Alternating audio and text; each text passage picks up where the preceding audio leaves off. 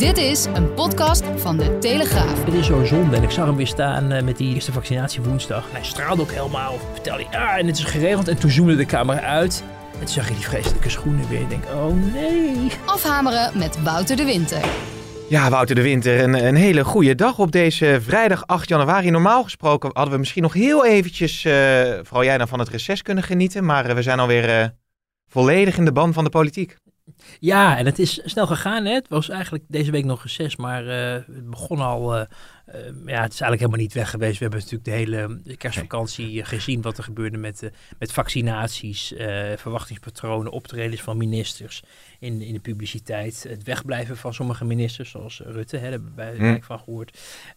maar afgelopen zondag natuurlijk het hoogtepunt van het jaar al geweest. en dat was natuurlijk de documentaire van Sigrid Kaag die we... Uh, je, bent, je, bent, je bent je cynisme niet verloren in het kerstreces, nee, volgens mij. Mensen verwachten het ook. Ja, hè? dat is ook wel het zo. Het nieuwe jaar begint ja, ja, weer precies, met, ja. frisse, met frisse tegenzin beginnen we ja, aan januari. Want januari, ik bedoel eerlijk is eerlijk, is natuurlijk de meest vreselijke maand van het jaar. Dat weten we allemaal. Dus geen enkele reden om... Uh, om uh, om daar een andere indruk over te geven. Maar ik zat dus te kijken. Overigens pas uh, niet, op, niet op het moment dat het werd uitgezonden. Want er was op dat moment ook nog darts op tv. En dat wilde ik eigenlijk liever Echt kijken. waar? Want het was, het, was, het was de finale van de dartswedstrijd. Ben jij een Dus- darts-fan? nou, ik heb dat wel gedaan. Ik, ik, ik, ik probeer toch iets achter de psyche van wanneer dan de 180 en je kan aan de toonhoogte dus horen hoe belangrijk het punt is. En 177 is ook heel spannend. Want dat is een keer op de 19e Ja, af. nee, nou, wat, wat, wat Goedemorgen, interessant om dat weer eh, te weten van Maar jou. ik heb het dus even teruggekeken. En eh, eh, toen, maar ik kreeg namelijk appjes van mensen. Van je zit in die documentaire. Nou, dat is natuurlijk schrikken, dat snap je. dus ik denk, wat nu? En toen heb ik hem dus teruggekeken. En dan hoor ik dus onze gezellige podcast. fragmenten vier of vijf keer gewoon gejat. Die Ja. ze hebben gebruikt om het, om het nog van enige kritische noot te voorzien. Wat ik dan ook wel weer grappig vond. Want de analyse was uiteraard feilloos. Uh, maar ja, ik wist daar niks van. We hebben ook niks gehoord en stond ook niet in de aftiteling. Maar de, ja, documentairemakers, u kunt uw uh, opname weer aanzetten, want uh, afhameren is Afhameren is weer uh, begonnen. Nou ja, wordt ongetwijfeld vervolgd natuurlijk uh, de komende tijd als we richting de verkiezingen gaat, hoe uh, Sigrid Kaag het uh, gaat doen. Er is inhoudelijk al heel veel over uh, die documentaire gesproken, dus dat kunnen we misschien even, even laten, want ja. er is natuurlijk zoveel uh, gebeurd ja. deze week. Ja, we hebben het natuurlijk eerst hadden we, waar we ook bij waren natuurlijk in Den Haag over het strategie, vaccinatiestrategie debat. Maar dat werd natuurlijk toch overvleugeld door uh, ja, het bestormen van het kapitool in uh, Washington. Um, ik ken jou inmiddels wel een beetje. Je hebt het ongetwijfeld uh, heel nauwgezet gevolgd. Ja, ja, ja. Ja, ik heb weinig geslapen deze week. En uh, dat, dat kwam omdat er zoveel gebeurde in Amerika. En als je van politiek houdt en van Amerika, wat ik alle twee doe, dan, dan komt dat op een uh, toch wel hele bijzondere manier uh, samen deze week. En dat begon nog met die senaatsverkiezing natuurlijk, die ook echt spannend was. Want Hm. het ging om de controle van de Senaat en dus de haalbaarheid van de voorstellen van de nieuwe regering. En dat was al spannend, omdat dat aan het begin eigenlijk net ging met als met de verkiezingsavond in november.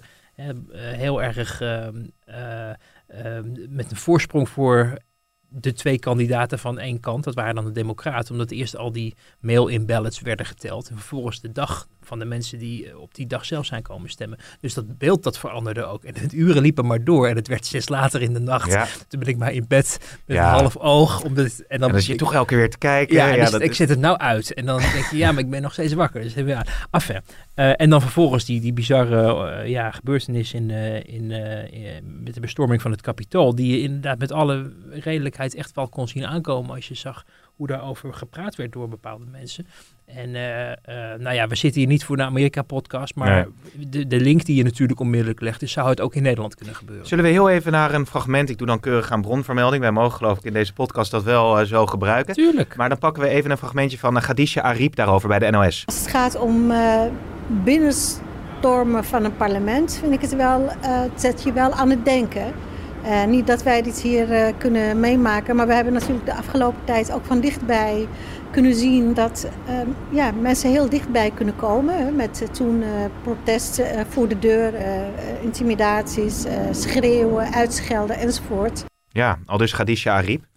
Ja, en dat is eigenlijk in het verlengde van wat ze de afgelopen maanden wel vaker uh, wat besmuit en soms ook in het openbaar uh, wel heeft gezegd. We hebben daar in de Telegraaf ook een paar keer over geschreven.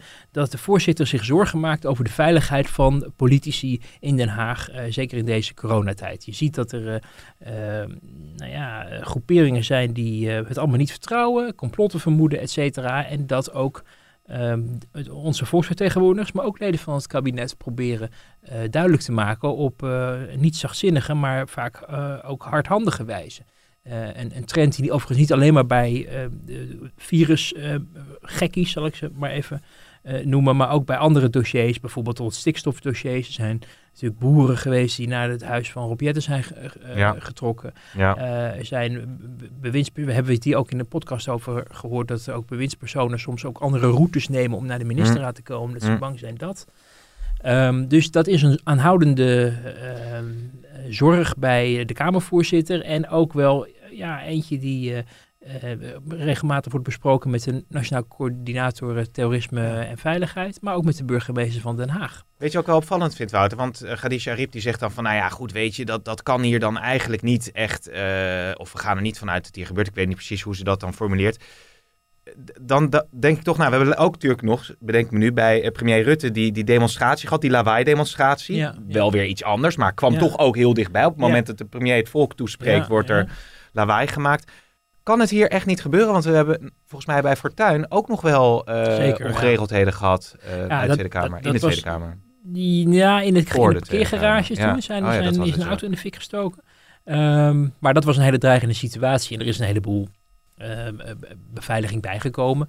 En dat is ook gekomen omdat op een gegeven moment een aantal protesterende Koerden het gebouw binnendrongen. Dat was op een maandagavond wanneer er dus echt helemaal niets gebeurt in Den Haag. Dus dat was niet helemaal goed gepland. Uh, maar daardoor zat de schrik er wel goed in, omdat men dacht van oké, er zijn dus mensen die bereid zijn om uh, het natuurlijke respect wat je voor onze volksvertegenwoordiging zou moeten hebben. Hè? Want volksvertegenwoordiging bestaat uit alle mensen uh, of alle afgevaardigden van hopelijk van zo, bijna alle mensen moeten zich vertegenwoordigd weten daardoor. Of die krijgen in ieder geval de kans om te stemmen voor de volksvertegenwoordiging. Dus of je nou voor de ene partij bent of de andere, het instituut aan zich dient denk ik gewoon overeind te blijven.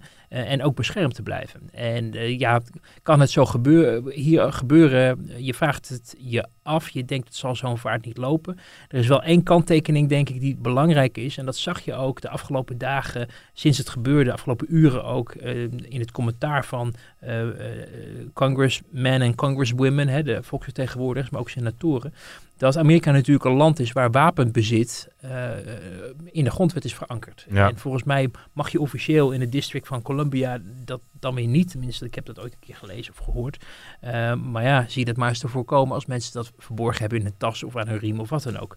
En dat die, die volksvertegenwoordigers dus ook echt vreesden voor hun leven. Dat ze dus dachten, die mensen zijn zo boos, wij worden straks tegen de muur gezet. En dat verklaart ook de enorme ontsteltenis en woede. Het had veel erger kunnen aflopen. Ook al zijn er nu vijf doden gevallen, wat natuurlijk al bizar is. Maar het had veel erger kunnen afgelopen. Dat sentiment heb je in, Amer in Nederland natuurlijk een stuk minder. Uh, omdat uh, wapenbezit, helaas komt het wel voor, maar het is niet uh, legaal. Uh, ook niet met de, met, tenzij je echt een aparte schietvergunning hebt of zo. Dus uh, je hoopt dan dat dat op die schaal dan uh, een stuk minder kan gebeuren. Maar het wordt ook heel moeilijk om het gebouw wat midden in het centrum van Den Haag staat en ook grenst aan de openbare weg en niet, of heel moeilijk kan worden afgezet met hekken. Uh, hè, als een soort extra corridor rond, dan kan de tram niet meer rijden, dan kan de, kan de, dan kan de parkeergarage dicht, dan moet het plein, waar al die gezellige terrasjes zitten, misschien wel uh, deels dicht. Uh, dus dat wordt een enorme opgave om dat ja, dan hermetisch af te sluiten. Capitool kan je makkelijker hermetisch afsluiten, denk ik, wat dat betreft. En dan gaat natuurlijk ook nog, ook, ja. ja. dan gaat de Tweede Kamer natuurlijk ook nog nu naar een andere plek. Dus dat is zeer interessant voor Ariep om allemaal een goede banen te leiden. Maar dat is dan wel weer misschien weer makkelijker te beveiligen, omdat dat één gebouw is. Mm. dit is toch een schakeling van gebouwen waar we, waar we nu het parlement hebben. Straks is er een oud ministerie, één oud gebouw van Buitenlandse Zaken, wat ook sowieso wat, wat steviger beveiligd werd ook. Uh, daar is het misschien makkelijker om het uh, te beveiligen. Ja, ja. nou, Khadija Riep gaat er in ieder geval uh, goed naar kijken, dus dat is uh, altijd belangrijk om te weten. Um, ook opvallend als je natuurlijk de, de reacties krijgt van Nederlandse politici. Toch even Jesse Klaver erbij halen, want die zei ja, we moeten de meningsverschillen vreedzaam oplossen. Ik las de krant van vandaag bij ons. Dan kreeg hij weer kritiek vanuit de achterban. Van ja, het gaat hier eigenlijk helemaal niet om meningsverschillen. Het gaat om ja, radicale extremisten die een kapitool bestormen. Ja, ja, zeker. En wat ik interessant vind is dat je ziet, en dat is nu niet, dat is voor de, uh, niet voor het eerst in, in korte tijd, dat Jesse Klaver, die toch heel lang uh, door die achterban op het schild is gehezen als nou, de, de, grote man die het allemaal wel voor elkaar ging krijgen, steeds vaker kritischer uit zijn achterban benaderd wordt. Mm. En ook in het openbaar door er is wat commotie geweest toen hij zich verkiesbaar had gesteld. En dat er een hele korte termijn was dat tegenkandidaten zich konden melden. Toen heeft hij Rutger Groot-Wassink van zich laten horen.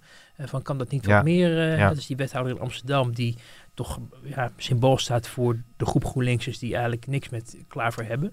Um, die liet zich toen al horen. We hebben natuurlijk de commotie over die Kouter gehad. We hebben de commotie over Zini Usdiel gehad. Die op een hele nare manier de partij is uitgetrapt. Hm.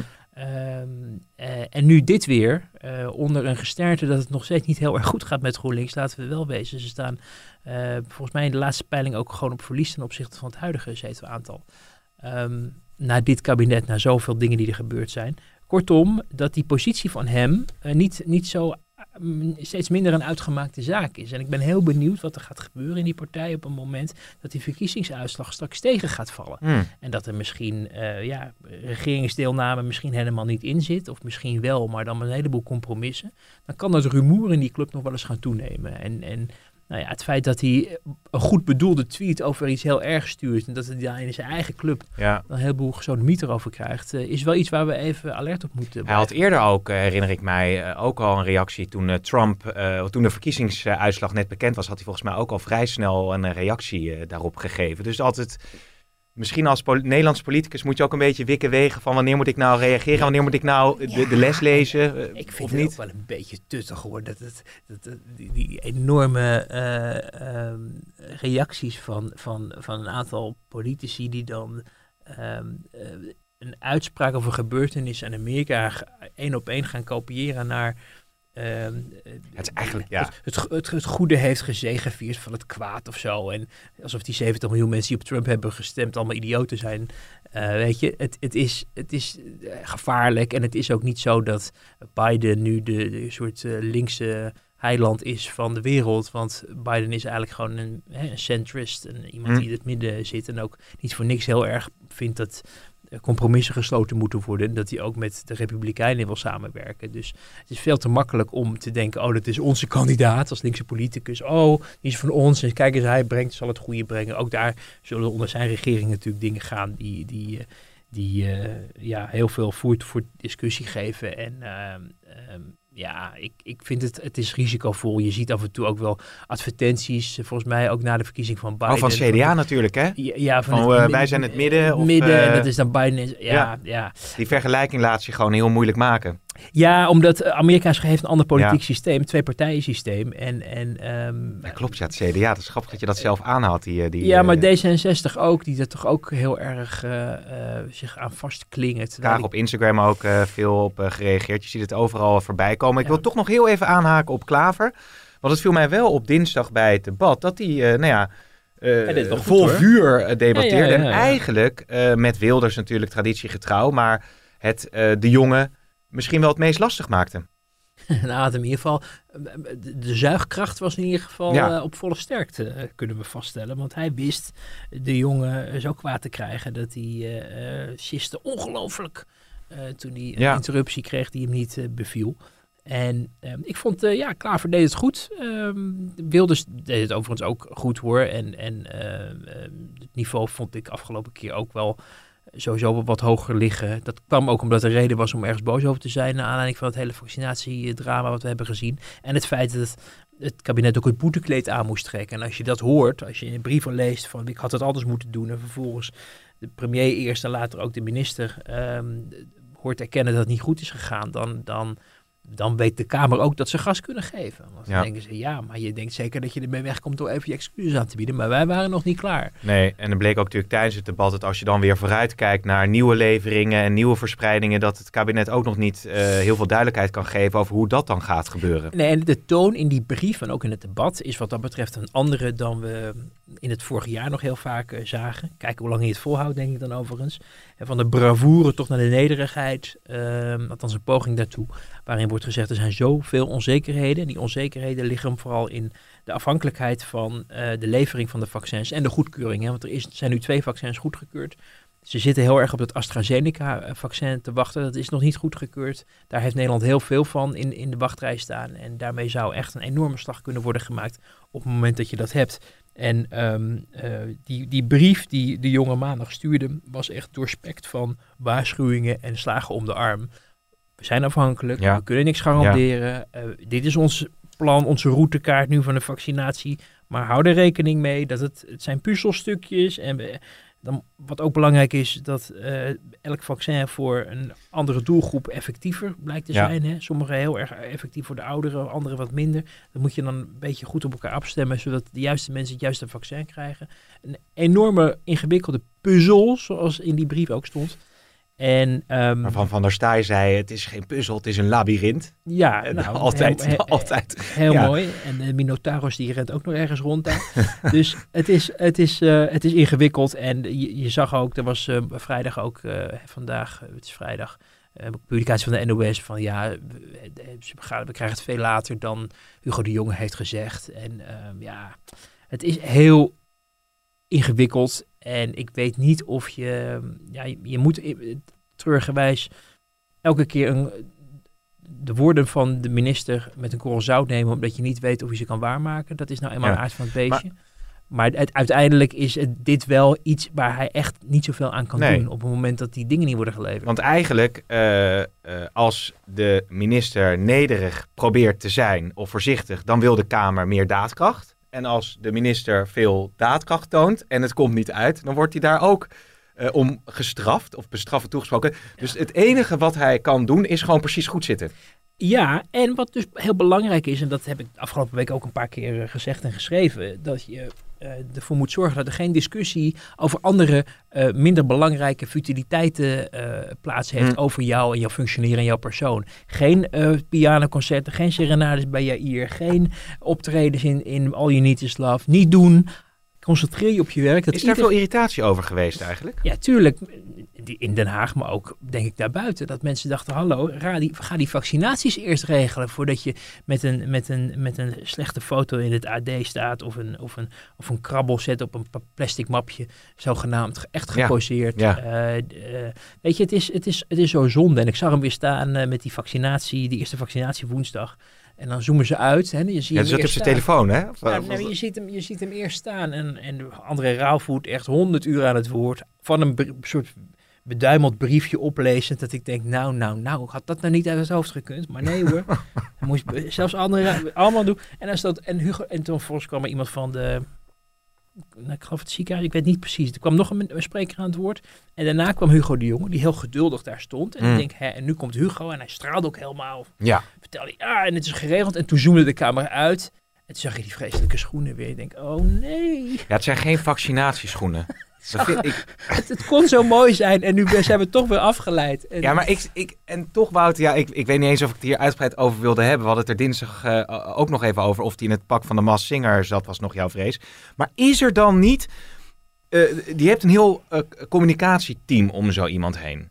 De, je, je, je moet toch, dat moet toch beter kunnen? Het is toch niet alleen Hugo die daar de verantwoordelijkheid voor draagt. Er zijn toch ook de mensen om hem heen die kunnen zeggen van Hugo, trek andere schoenen aan of doe dit misschien zo. Of, want ja, het is maar goed, denk ik, dat hij misschien geen lijsttrekker meer is van het CDA. Want anders had het het CDA natuurlijk ook weer uh, beschadigd. Ja, nou, en de reden waarom hij zoveel in de media was, begreep ik vanuit het CDA, was omdat al die afspraken al Ja, maar dan zeg je ze toch af? Stonden. Dat is precies. Maar Hoe dat ingewikkeld wil, is dat, dat wil nou? die dan niet. Ja, maar waarom zou je dat nou niet willen Ja, afzeggen? hallo, ik ben hier niet de, de woordvoerder van Hugo de Jonge. Ja, nee, maar, dat, dat, maar precies dat punt wat jij aanhaalt, dat is natuurlijk heel verbazingwekkend. Ja, Ja, maar- sorry dat ik zo uit mijn slof schiet, maar dat was echt het gevoel wat ik heel sterk had van inderdaad in dat, in dat tijdsbestek waarin het om de eerste vaccins gaat, waarin al achterloopt, ja, dan kun je dat eigenlijk gewoon niet permitteren, denk Nee. ik. En dat moet je als communicatieafdeling ook inschatten. En je moet de minister ook af en, toe, af en toe misschien tegen zichzelf in bescherming nemen. Van luister, we gaan nu een afspraak maken die, we, die voor een interview of een optreden wat pas op de 31ste of de 25ste wordt uitgezonden. terwijl het nu 1 december is. Ja. Uh, hoe ziet de wereld er dan uit? Dat weten we niet. Uh, ze wisten wel al dat besmettingen opliepen, dat de lockdown eraan kwam. Dat moet wel een belletje doen rinkelen. Dat het land dus in een crisis, nog verder in een crisisstand gaat, waardoor je kan afvragen hoe passend het is om dan voor ludieke dingen hmm. tijd te En ik vind het gewoon heel erg zonde, want ik denk echt dat hij het zichzelf hierdoor moeilijker maakt dan hij, dan hij verdient. Ja. Uh, ik denk dat als, je, als jij veel selectiever bent en je veel meer laat zien op punten waar je voor bent aangesteld en voor betaald wordt, namelijk het oplossen van die crisis, dat mensen dan denken, die man die werkt hard. Er zijn trouwens overigens nog een heleboel mensen die dat ook vinden hoor. En dat hoor je ook wel in die debatten terug wel, natuurlijk. Maar hij krijgt in, in, op, op televisie, in kranten en op de radio, hij krijgt heel veel uh, kritiek. Moet hij ook tegen kunnen.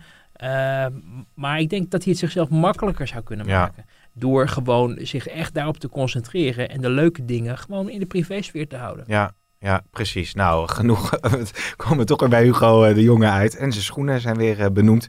Laten we van, uh, van de ene politicus die toch onder stevige druk staat naar de andere gaan. Lodewijk Asscher heeft natuurlijk alles te maken met de toeslagenaffaire. hij zat gisteren, dus donderdag, bij M.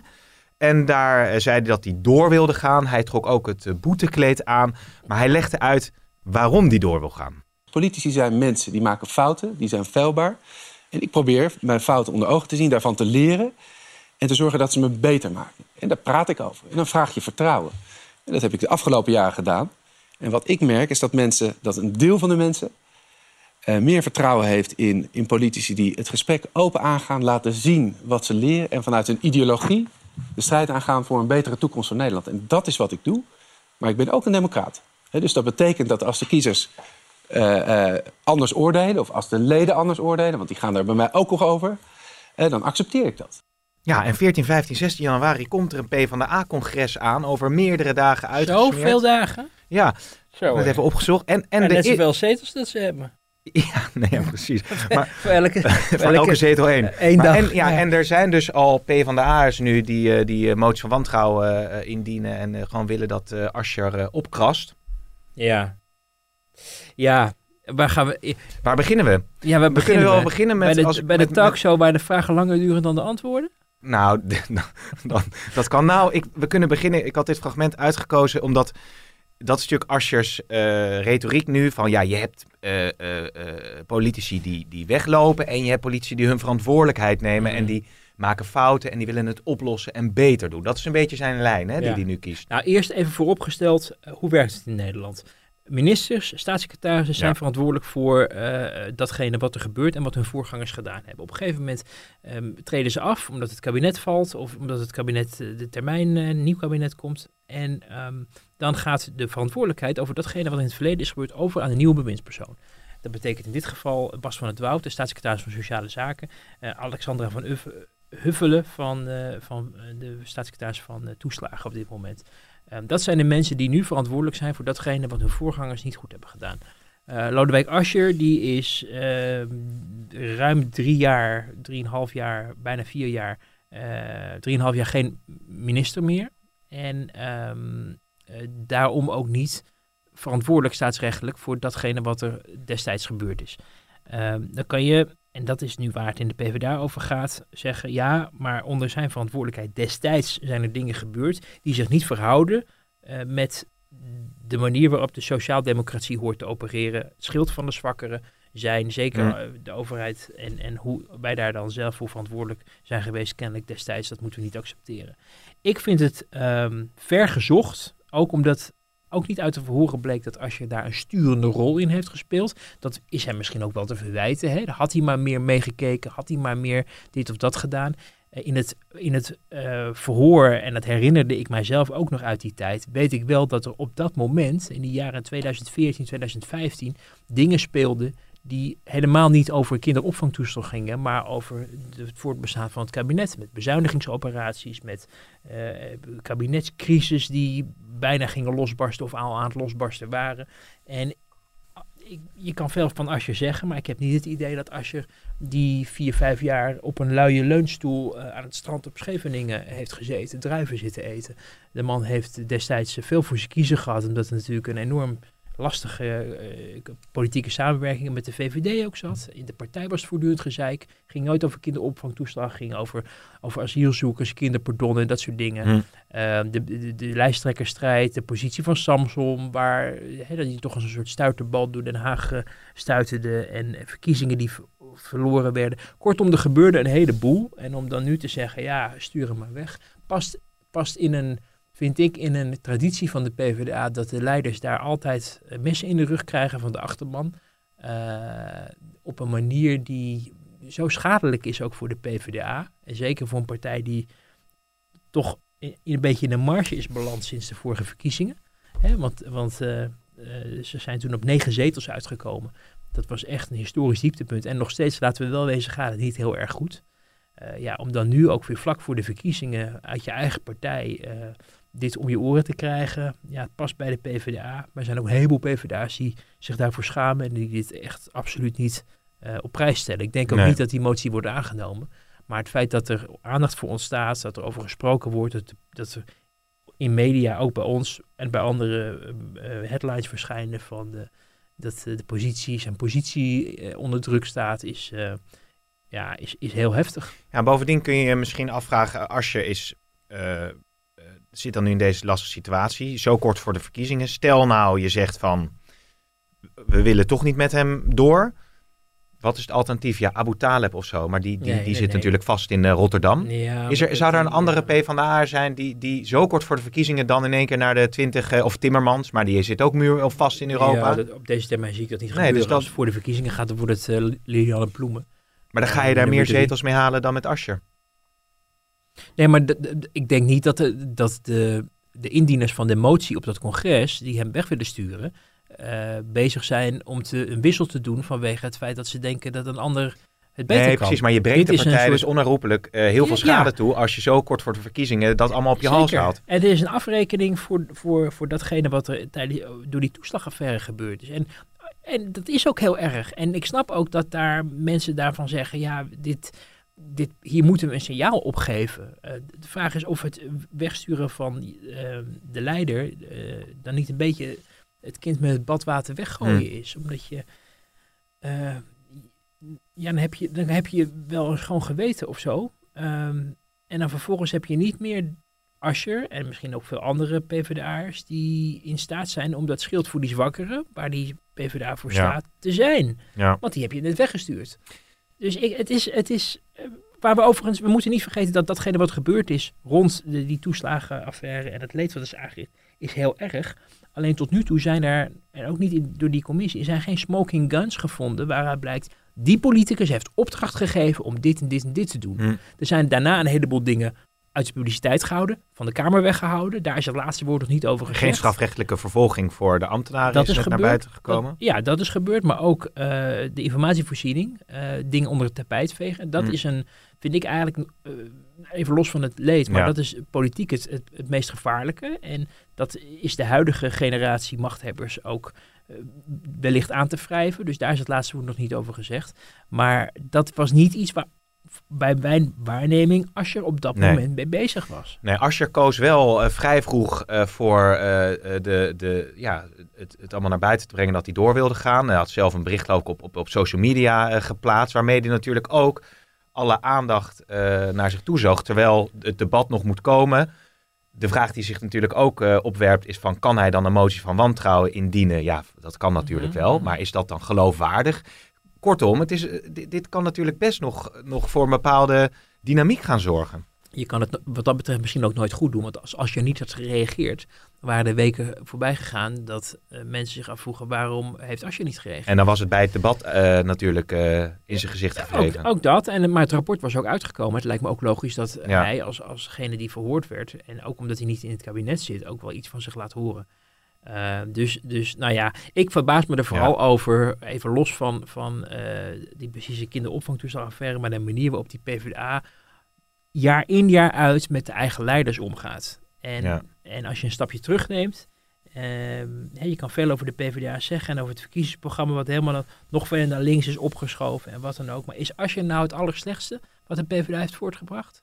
Is hij nou de man die die, die partij ehm, de afgelopen jaren na die verschrikkelijke afvakkeling zo in de puree verder heeft geduwd. Ik denk dat hij onder de omstandigheden, in ieder geval in de Tweede Kamer, uh, het PvdA wel toch een, een geloofwaardige smoel heeft weten Ja. te geven. Wat Mm. ingewikkeld is. En ik denk dat het hem toch gelukt is. Is hij daar goed genoeg in geweest?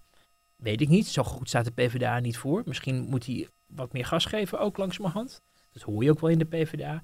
Maar ik weet niet of iemand anders het beter had gedaan. Nee, nee, nee, precies. Eh, dat komt er natuurlijk allemaal aan nog, eh, dat eh, debat. Daar gaan we het later ongetwijfeld ook nog over hebben. Maar heel voorzichtig, kan je, heb je al een inschatting, een gevoel over wie eventueel welke verantwoordelijkheid gaat trekken? Of het hele kabinet of nou, dat, dat, is, dat is eigenlijk de, de vraag inderdaad van de komende twee weken. Hè. We hebben nu twee onderwerpen die, die er nog maar echt toe doen in, in Den Haag. Het ene is de coronacrisis, Ja. de lockdown en hoe gaan we daarmee verder. En het andere is eh, de kinderopvangtoeslagaffaire.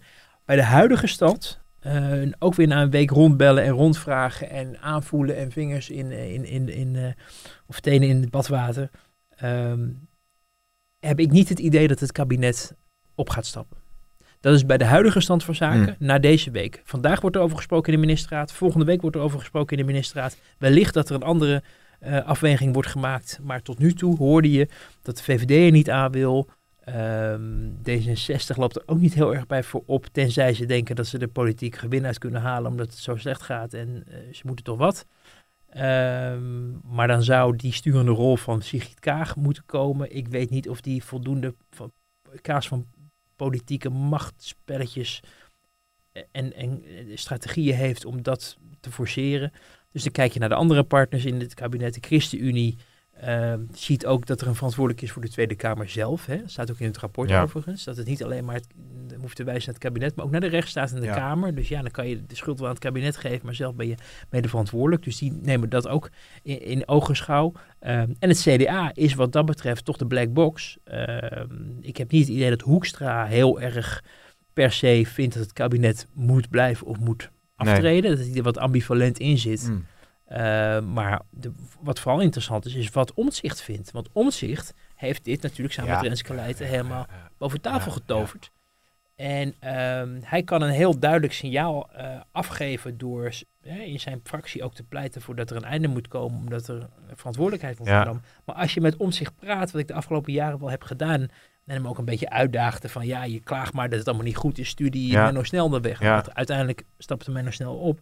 Maar dan werd Omtzigt eigenlijk wat geïrriteerd dat je het op de persoon richtte. Want hij zei het gaat om het systeem en het Ja. lost niks op als je iemand wegstuurt. Dus ik weet ook niet of hij er per se op uit is om het kabinet naar huis te sturen.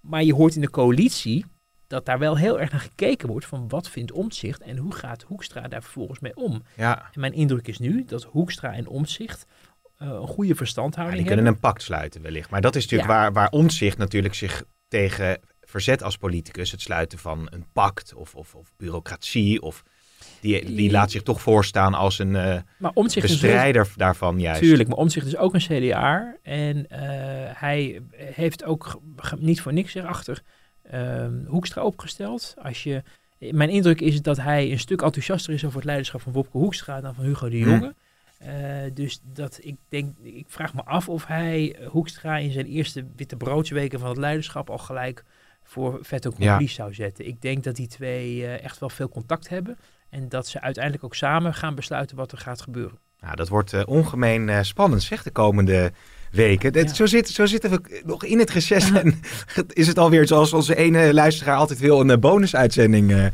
aan het, eh, aan het de worden. bonusminuten die, die, Die, die vliegen, vliegen je hier om, om de oren. En laten we dan niet te lang doorgaan over... Ja, het, corona komt allemaal nog wel aan bod. Zullen we dat maar bij deze besluiten? Voor je daar ook nog iets over kwijt? Je hebt natuurlijk die gemuteerde variant. Eh 19 januari is de kans volgens mij klein dat we gaan versoepelen. Als je Ja. naar Duitsland kijkt, Ja, zal het eerder alleen maar... eh, Ja, we hoorden verscherpt dinsdag worden. officieel natuurlijk over in een, in een persconferentie, hè, want dat was de aangekondigde persconferentie in aanloop naar 19 januari. Ja, als, als buitenland ook allemaal dicht blijft, ehm, de besmettingen hier nog steeds en de cijfers, en vooral de ziekenhuisbezetting, ehm, nog steeds ehm, op de proef eh, wordt gesteld, dan moet je er niet op rekenen dat de dingen gaan versoepeld worden. Als er wat wordt versoepeld, dan zal het als eerste bij de scholen gaan Ja. gebeuren. Het onderwijs, dat staat echt voorop. Nou, daar is nu twijfel over vanwege de gevaren van die, eh, van die eh, Britse variant. Ehm, dus ik, ik hou er zelf rekening mee dat we tot februari eh, niet zoveel... Ook de scholen dicht, te- het primair onderwijs ja, dicht, dat je, daar reken- dicht nou, dat je er rekening mee moet houden. Ik, ik weet oprecht niet, het kan ook echt op het laatste moment veranderen. Want Hm. hè, de kappers zouden open blijven. Eh, had men op zondag eh, eh, bedacht. En op ma in het katshuis en op maandag met die persconferentie of, of het statement van Rutte ging het alsnog allemaal dicht. Ja. Dus je ziet dat dingen echt een paar uur voor de besluitvorming ook nog weer kunnen veranderen. Eh, Wil je daar zelf nog iets over kwijt, over nee, de kapper, nee, omdat nee, het zo specifiek daar- Ja, nee, ja, iedereen heeft je toch gezien deze week natuurlijk. Ofwel op de site van de Telegraaf of bij Jinek. Ik vind het een mooie, kort eh, geschoren kopje. En dat heb je zelf gedaan, hè? Zeker. Voor de duidelijkheid. Ja. Geen slinkse wijze om toch de kapper ergens eh, in huis eh, te halen. Nee, Ehm, maar wel leuk dat mensen dat dachten. Ja, ik krijg je toch meteen, wel- ja, Had ik dat misschien moeten doen. Dat je dat niet had moeten zeggen. Worden. een kapper.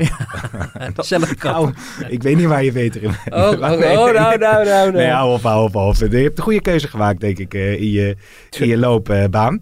Ehm, wil je eruit met de one... podcast. Wil je, gewoon, eruit, wil je eruit met de one-liner van de week? Van eh, Lilian Marijnissen? Ja, die... ja, Nee, zo gewoon. De- Zullen we hem er even ingooien? Heel Europa prikt, maar deze minister wikt. Ja, Ja.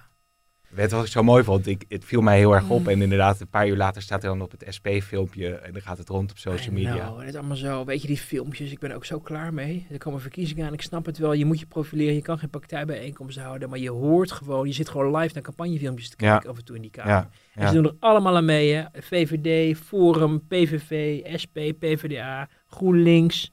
Eh, ik denk zelfs ook het CDA. Iedereen maakt die filmpjes. Ehm, ik vond deze ook niet zo heel Nee, erg maar de. SP staat er dus ook niet. Die, ik, Lilian Rijns was ook niet heel erg. eh, ja, misschien dat de meningen daarover verschillen, maar niet, niet dominant, laat Nee, ik maar- zo zeggen, bij het, eh, Nee, bij het debat. Nee. Ehm, nou ja, Klaver dus heel veel. Heb je trouwens een idee wie dan eventueel... Zitten zitten er al mensen te loeren? Want je zegt Klaver ligt, toch wordt wat meer met argusogen bekeken zijn eigen achterban. Ja, dat is eigenlijk een onderwerp wat ik helemaal niet had voelen aankomen. Maar nu we het er toch nog misschien als afsluiter nog even daarover kunnen hebben. Moeilijk hè, denk ik. Ja, nou nee, ik, ik, ik, Nee. niet op dit moment dat ik, dat ik denk van, oh, dit wordt de nieuwe GroenLinks-leider of zo. Maar Nee. je moet wel, je, je merkt echt dat er een verandering gaande is in de manier waarop daar in die partij nu met Klaver wordt omgegaan. Ja. En dat vind ik interessant. En we moeten in de gaten houden of, dat, of hij die geest weer in de fles krijgt. Ik denk het eigenlijk niet. Cijfers staan er niet heel erg goed voor voor hem. En straks gaat hij misschien eh, met zijn GroenLinks in het kabinet komen. Nou, reken maar dat het rumoer dan niet minder zal worden. Nee. Dus, dus Klaver staat nog best wel een pittige periode Ja. te wachten, denk ik. En hij kan geen grote meetups eh, eh, geven. Zullen we ook om in een, een mooie one-liner te eindigen, wat Jolande Sap ook alweer zei, de stekker eh, eruit te trekken uit deze podcast? Voor vandaag dan, hè? En dan zijn we er volgende week Nou, gewoon ik- weer. Ja, oké. Oké, dankjewel Wouter.